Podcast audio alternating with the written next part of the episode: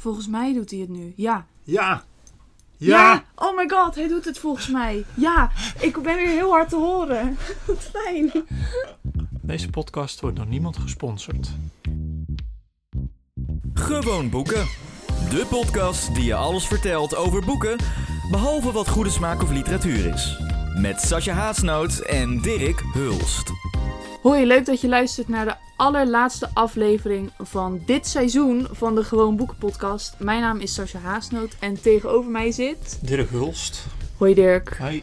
Hoi. Ben je bij de kapper geweest? Ja, ja. daar ben ik heel blij mee. Ja. Het scheelt weer een, een hoop shampoo. Ik vind het leuk dat iedereen weer luistert vandaag. We gaan vandaag iets, ietsje anders doen dan normaal, want we gaan maar twee boeken bespreken. Ja. Het is namelijk zo dat we allebei hetzelfde gelezen hebben de afgelopen weken.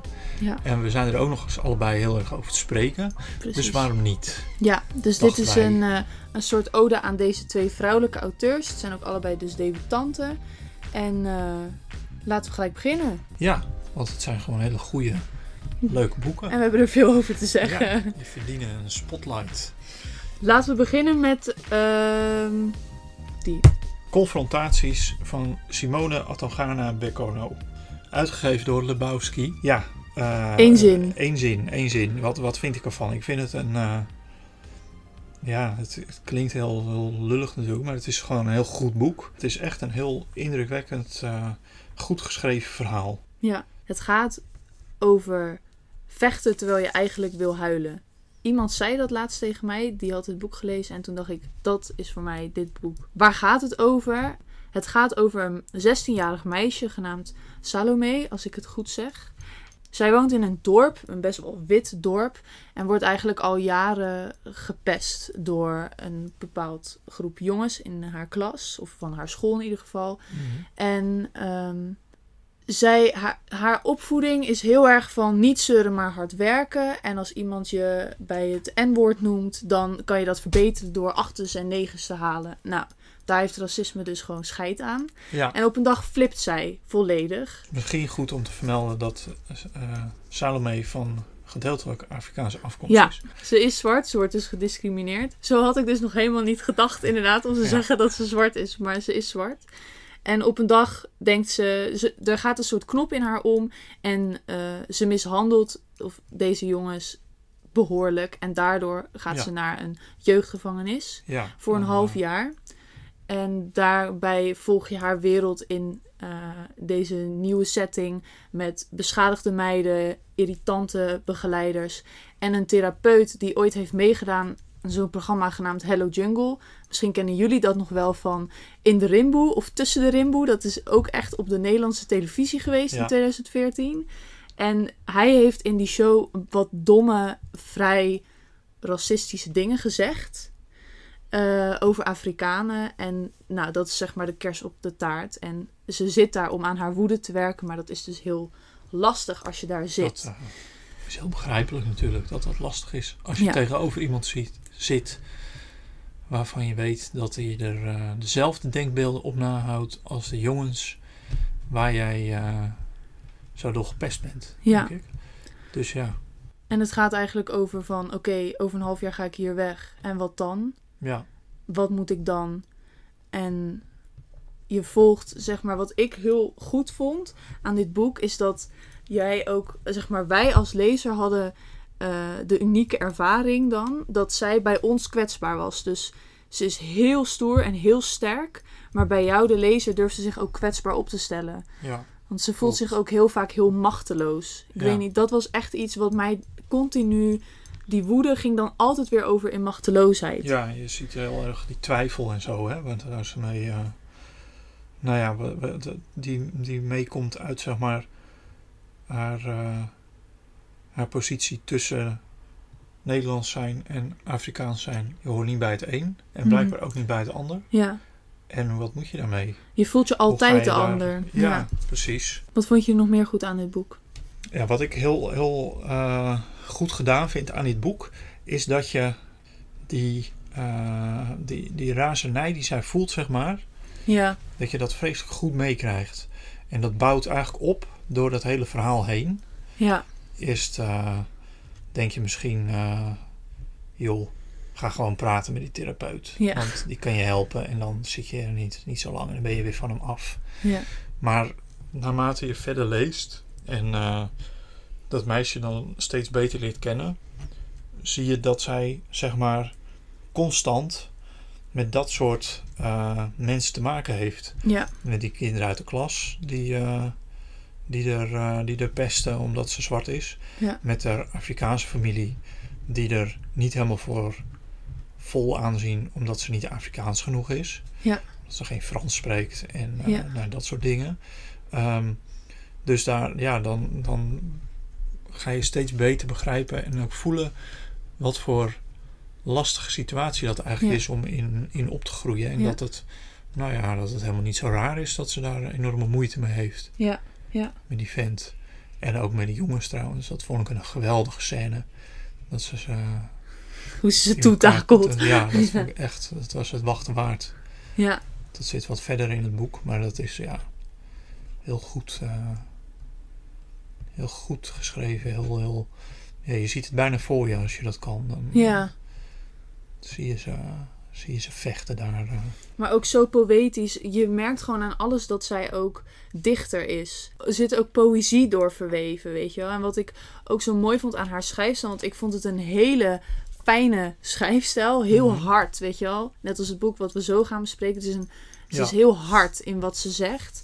Bijvoorbeeld de taal die die meiden spreken. Er wordt altijd heel veel in gescholden. Maar het is altijd kort en krachtig en heel Ja. duidelijk. Ja, En, en wat ik zo mooi vond, als je echt in haar gedachten was, dan kwamen er alleen maar komma's. Mhm. Waarbij ze echt gebruik maakt van heel veel punten, deed ze dat bij sommige momenten niet. Omdat de gedachtenstroom moest onophoudelijk zijn. Dus het mocht niet onderbroken worden. Dus dan heb je alleen maar komma's en komma's en komma's. En Ja. obsessief lees je die gedachten mee. Ik vond dat zo goed gedaan. Ja, ik denk dat dat een, ehm, een soort nieuwe eh, literaire taal is. Die, je- die je vooral ziet bij jonge auteurs. Dat ze Ja. geen, nou ja, sommigen wel, hè, Marieke Lucas Rijnveld, maar de- nou ja, anderen niet. Ja, Die, die, die draaien er niet omheen en die schrijven gewoon de dingen op zoals je ze, ja, nou ja, naar mijn mening, het beste op kan schrijven. ja, Ja. Gewoon vlot, ja. zonder, eh, zonder gelul eromheen, zeg maar. En Ja. Dat vind ik altijd heel prettig lezen. Dat is heel goed gedaan, inderdaad. Had jij een favoriete passage? Ja, dat gevecht. Dat gevecht was echt Dat jouw ik- favoriet. Ja, dat ja. vond ik heel leuk. Wat mijn favoriete passage was, dat zit vrij aan het begin, Ja, is zij wil heel graag begrijpen waarom mensen zeggen wat ze zeggen, denken, waarom, zeg maar, ze wil weten waarom mensen dat soort racistische denkbeelden hebben. Mhm. En dat programma Hello Jungle, dat is het grote obstakel, zeg maar, in haar leven. ja, Eh, terwijl ze dan daar in de jeugdgevangenis zit. En zij gaat dus helemaal één hoofdstuk bedenken hoe dat programma is ontstaan. Dat doet ze heel overdreven. ja, En Ja. ze bekent ook dat ze daarin overdrijft. Maar je wilt gewoon weten, ja, je wil eigenlijk ook Hoe wel die- geloven dat het op die manier ja, is. van hoe ja, is ook zijn stuk. deze witte mediamakers zo'n idioot programma Ja, bedacht. ja. Wacht, Ja, ik, Ik ga daar wel een stukje uit voorlezen. Het is pagina 66. Dus ik moet het begrijpen. Nou, dan ga ik het begrijpen. Ik wil namelijk ook best weten waarom. Misschien was het een medewerker van een commerciële omroep. Ik denk een paar jaar terug, 2004, lente. Ik zat toen nog op de basisschool. Ik moet begrijpen dat die medewerker dacht: een briljant idee. Ik moet begrijpen dat hij dacht: fucking nice. Dat hij iets te bewijzen had. Ik moet begrijpen en begrijpen. En zoals ik al zei, is het flauw, is het saai. Ik denk dat het ongeveer zo is gegaan. Die medewerker die het hele ding heeft bedacht, heeft nog geen één van de, zijn ideeën op de buis gekregen. Zijn collega's mogen hem niet. Hij loopt achter op de rest. Hij wil scoren. Hij wil dat mensen hem herkennen als hij de kroeg inloopt. Dat ze hem de hand komen schudden en dat hij dan zelf wel eens kijkt wiens handdruk hij beantwoordt. Dat is wat hij wil. Dat kan ik best begrijpen. Ja. Ik vond dat zo, echt zo geniaal bedacht. Van, ik, ik vond dit gewoon eigenlijk een geweldig boek. Ik heb nog nooit zoiets gelezen als dit. Ik duim echt voor haar dat zij de shortlist gaat winnen. Welke shortlist? Van de prijs. Van de prijs. Want ze is genomineerd voor de Libris Literatuurprijs. Ja. Wil jij nog een kortom doen? Kortom, één zin. Ik denk dat, dat mensen dit willen lezen omdat het ehm, het is een vernieuwend verhaal. Taalgebruik is heel sterk. Ja, Ehm, en ook omdat het een heel rijk boek is waar van alles in zit. Want we hebben het nog niet eens gehad eigenlijk over de familiedynamiek waar ze, ja, waar ze over schrijft. En eh, de, de, nou ja, hoe het eraan toe gaat in de jeugdgevangenis zelf en zo. Dus het is, het is ontzettend, ja, het is al gelardeerd van allemaal, eh, allemaal netelige kwesties waar je dan toch weer, eh, nou ja, even over na kan denken en je in kan inleven en zo. En ehm, ik vind vooral het, dat een soort geweldsuitbarsting die erin Mhm. zit bij dat Ja. gevecht, dat, dat, ja, dat is ontzettend goed geschreven en, eh, en je, je bouwt daar naartoe. ja, En je, je voelt echt die, ja, je bent het helemaal met haar eens. En je snapt, je wil eigenlijk dat ze verder gaat dan, Ja. hoe, dan dat ze gegaan is. Dat had ik. Dacht, joh, je bent nog niet klaar met, eh, met afrossen.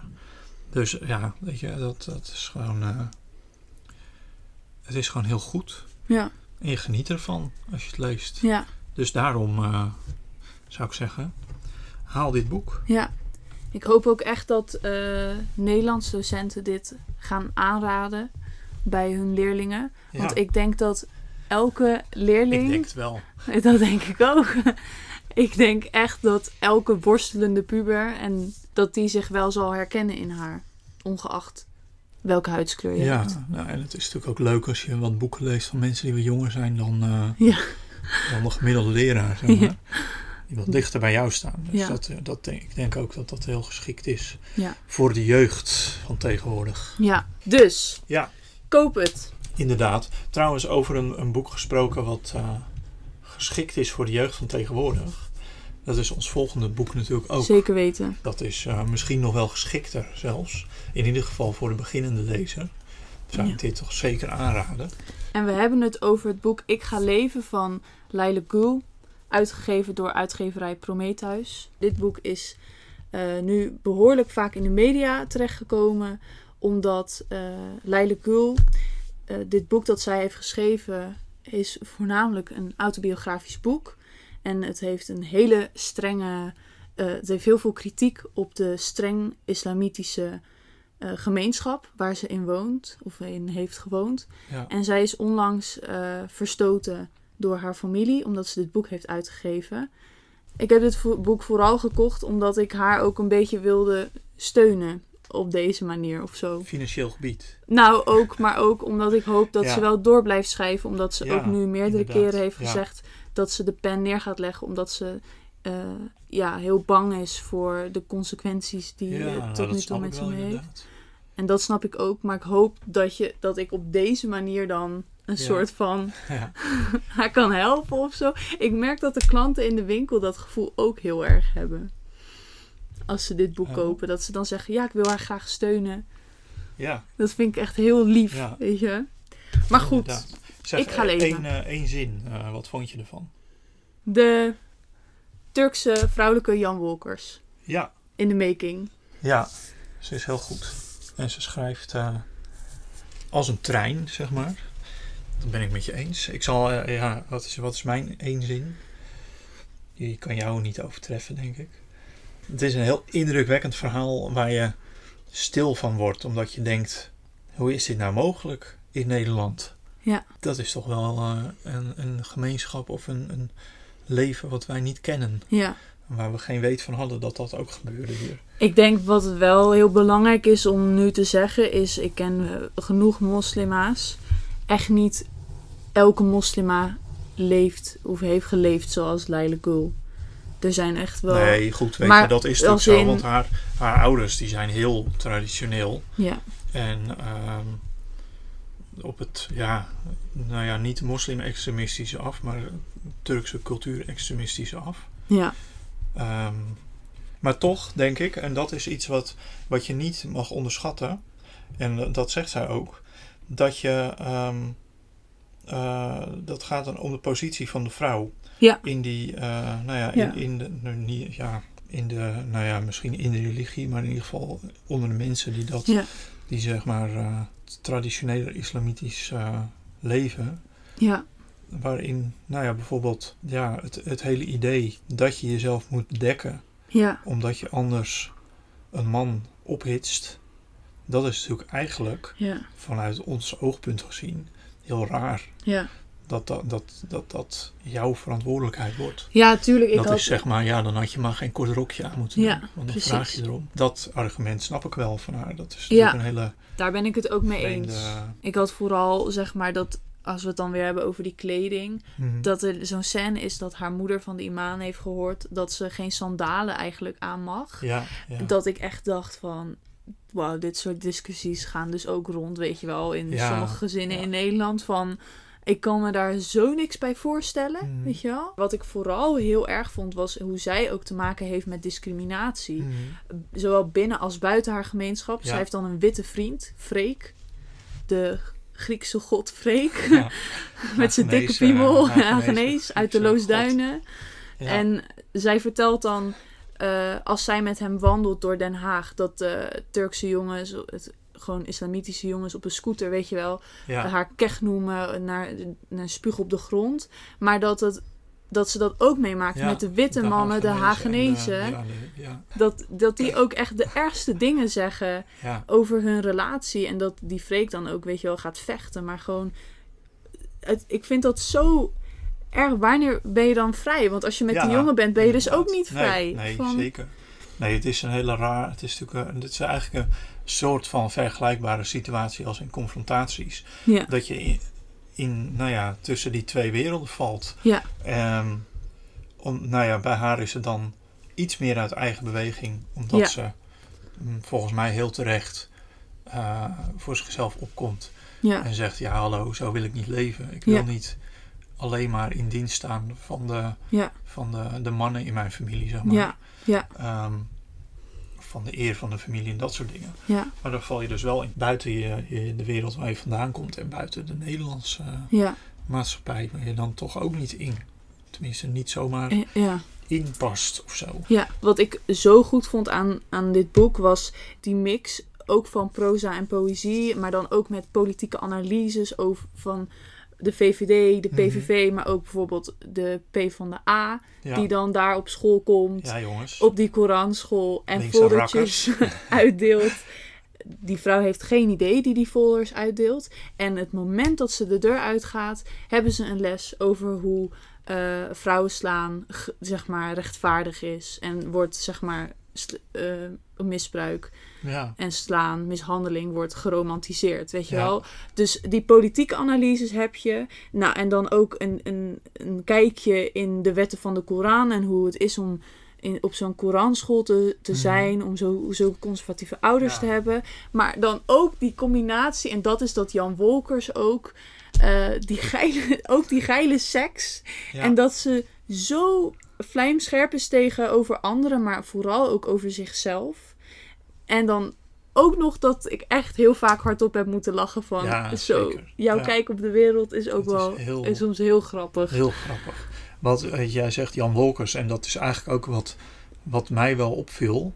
ehm, als je er wat langer over nadenkt, dat dit eigenlijk een typisch, heel typisch Nederlands boek is. Een heel typisch Nederlandse literatuuronderwerp. Hm. En dat is namelijk je afzetten tegen de conservatieve religieuze ideeën van je ouders. Ja, Want er zijn er, er, zijn er nogal wat die dat, eh, die dat doen. Wat dit originele maakt is natuurlijk dat het, dat het geen christenfamilie is. nee, Maar het is een keer iets anders. ja, En dat is wel heel, vind ik ook wel heel leuk. ja. Een wereld Dat waar je weinig van hoort. Ja, en het is niet in een of ander dorp. Nee. Maar het is gewoon in Amsterdam. Ja. Weet je, ja. Dat, eh, de, de, die, eh, ja, je denkt soms, dat, zijn, dat is een wat oud onderwerp of zo, weet je. In de jaren Ja. 60 en Jan Wolkers die daarover schreef, en Maarten het Hart en eh Franka Treur en zo. Maar, nou ja, het is nog steeds actueel. Ja. Er zijn nog steeds mensen die, die onder het juk van hun eh, religieuze ouders opgroeien en daar met heel veel moeite maar onder vandaan komen Ja, en zichzelf weten te be- bevrijden. En, en die, ja, je ziet natuurlijk ook hoe vreselijk moeilijk dat is. ja. Dat is eigenlijk altijd is dat heel indrukwekkend om te lezen. Heb je mooi gezegd. Dank je. Ja, ben ik het helemaal mee eens. Wat ik wel, is zeg maar, ik had zo'n recensie gelezen in de Volkskrant over dit boek. Mhm. En op het eerste oog was ik het er niet mee eens. Maar ik had wel het gevoel dat ik dacht, was hier een redacteur bij? Want ik vond wel heel vaak dat er echt dingen overbodig waren. Eh, en dat er echt nog flink boek? geschrapt kon worden. Ja. En qua stijl, soms zegt ze twee keer het woord in dezelfde zin. En, en worden handelingen heel overdreven beschreven. Terwijl ik denk, je kan het ook ah, wat simpeler uitleggen. Ja, ja, ja ik, ik vond dat juist wel. ehm, ik weet niet, ik vond het wel aantrekkelijk. En wat ik, wat ik ook heel dubbel vond, was ze gebruikt heel veel herhaling. Mhm. Dat ze ook continu bijvoorbeeld blijft zeggen van... Ik ga niet weg, want dan mijn oma en mijn zusje Daphne, Ja. als ik het goed zeg. Ja. En aan de ene kant dacht ik op een gegeven moment, ja, ja, ja. Maar aan de andere kant laat het ook de uitzichtloosheid van haar situatie zien. Ja, want dat is het. Ja, dat is die wereld Ja. waar ze in zit. Ja, Het is de familie. Ze wil eigenlijk weg. Ja. Maar er zijn twee mensen waarbij ze niet weg wil. Ja. Haar oma en Ja. zusje. Want nou ja, de oma die is, die is heel ziek en die wil ze niet in de steek laten. En haar zusje die eh, wordt nog, nog meer ingeperkt dan zij ooit is ingeperkt. en En geïndoctrineerd. geïndoctrineerd, inderdaad. En dat wil ze ook niet Nee. zomaar toelaten. Nee, Dus ja, ik, dat is een, een enorm conflict. ja. Ja. En het laatste waar ik een beetje mee zat, en dat ik eh, vond dat zij soms te veel liet zien hoe geavanceerd haar woordenschat was, waardoor sommige boodschappen bij mij wat minder overkwamen, omdat ik dacht, ja, je had dit ook even gewoon wat normaler kunnen zeggen. Misschien was het ook wel dat ik daarin ook jaloers ben. Van dat mijn woordenschat niet zo goed is. Maar ik dacht gewoon bijvoorbeeld voor leerlingen op de middelbare school. Tuurlijk laat, raad ik dit aan, maar ik vond wel af en toe dat ik dacht, nou, een beetje veel moeilijke woorden. ja, maar dan moeten ze wat opzoeken. Dat is alleen maar goed. Ja, zo kan je het ook bekijken. Ja, zo kan je het ook bekeken.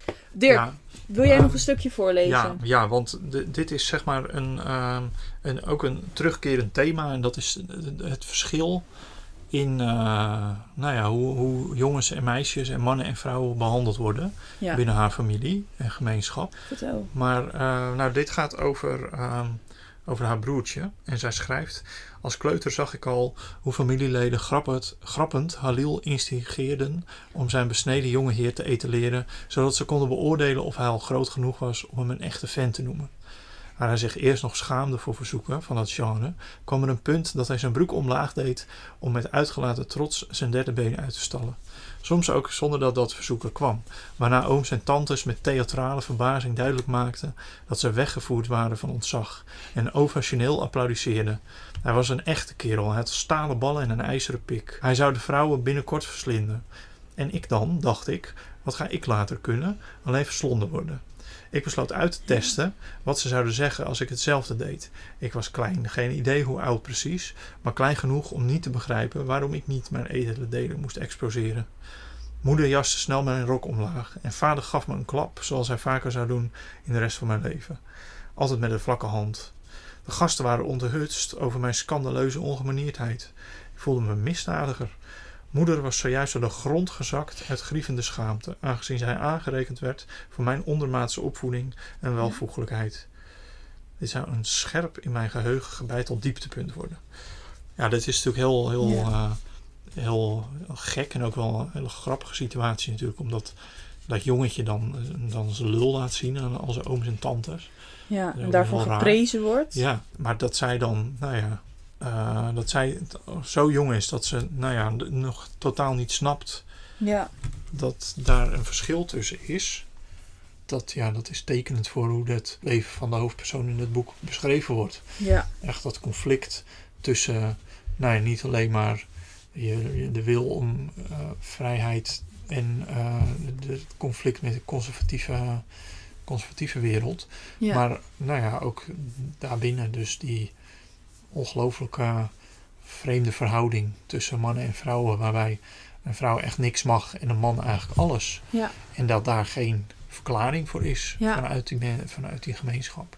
ja. Dus ook heel, heel krom is dat allemaal. Ja, ik vond ook dat stuk dat ze een mail stuurt naar de imams. Omdat ze denkt, nu gaan jullie antwoord geven. Ja, Leg het me nou uit. Want waarom eh, heeft de martelaar 72 maagden als hij in het paradijs komt? Over waarom neef, nichten, huwelijken toegestaan zijn. Eh, weet je wel, ze stelt Mhm. allemaal vragen. Waarom heb je toestemming nodig van je vader om te trouwen als vrouw, maar niet als man? Waarom wordt, moet uitgesproken afvallige gedood worden? Waarom wordt nooit op deze punten ingegaan? Dat vind ik zo sterk. Ja, Dat, dat typeert ook wie zij is. inderdaad. En het typeert vaak ook natuurlijk het hele conflict. Ja. Dat zij allerlei vragen hebben die niet op een bevredigende manier beantwoord kunnen worden. Ja. Het is een heel knap en eh, moedig boek, Ja. denk ik. En dat is natuurlijk ook, dat, ja, dat heeft zij wel een beetje mee.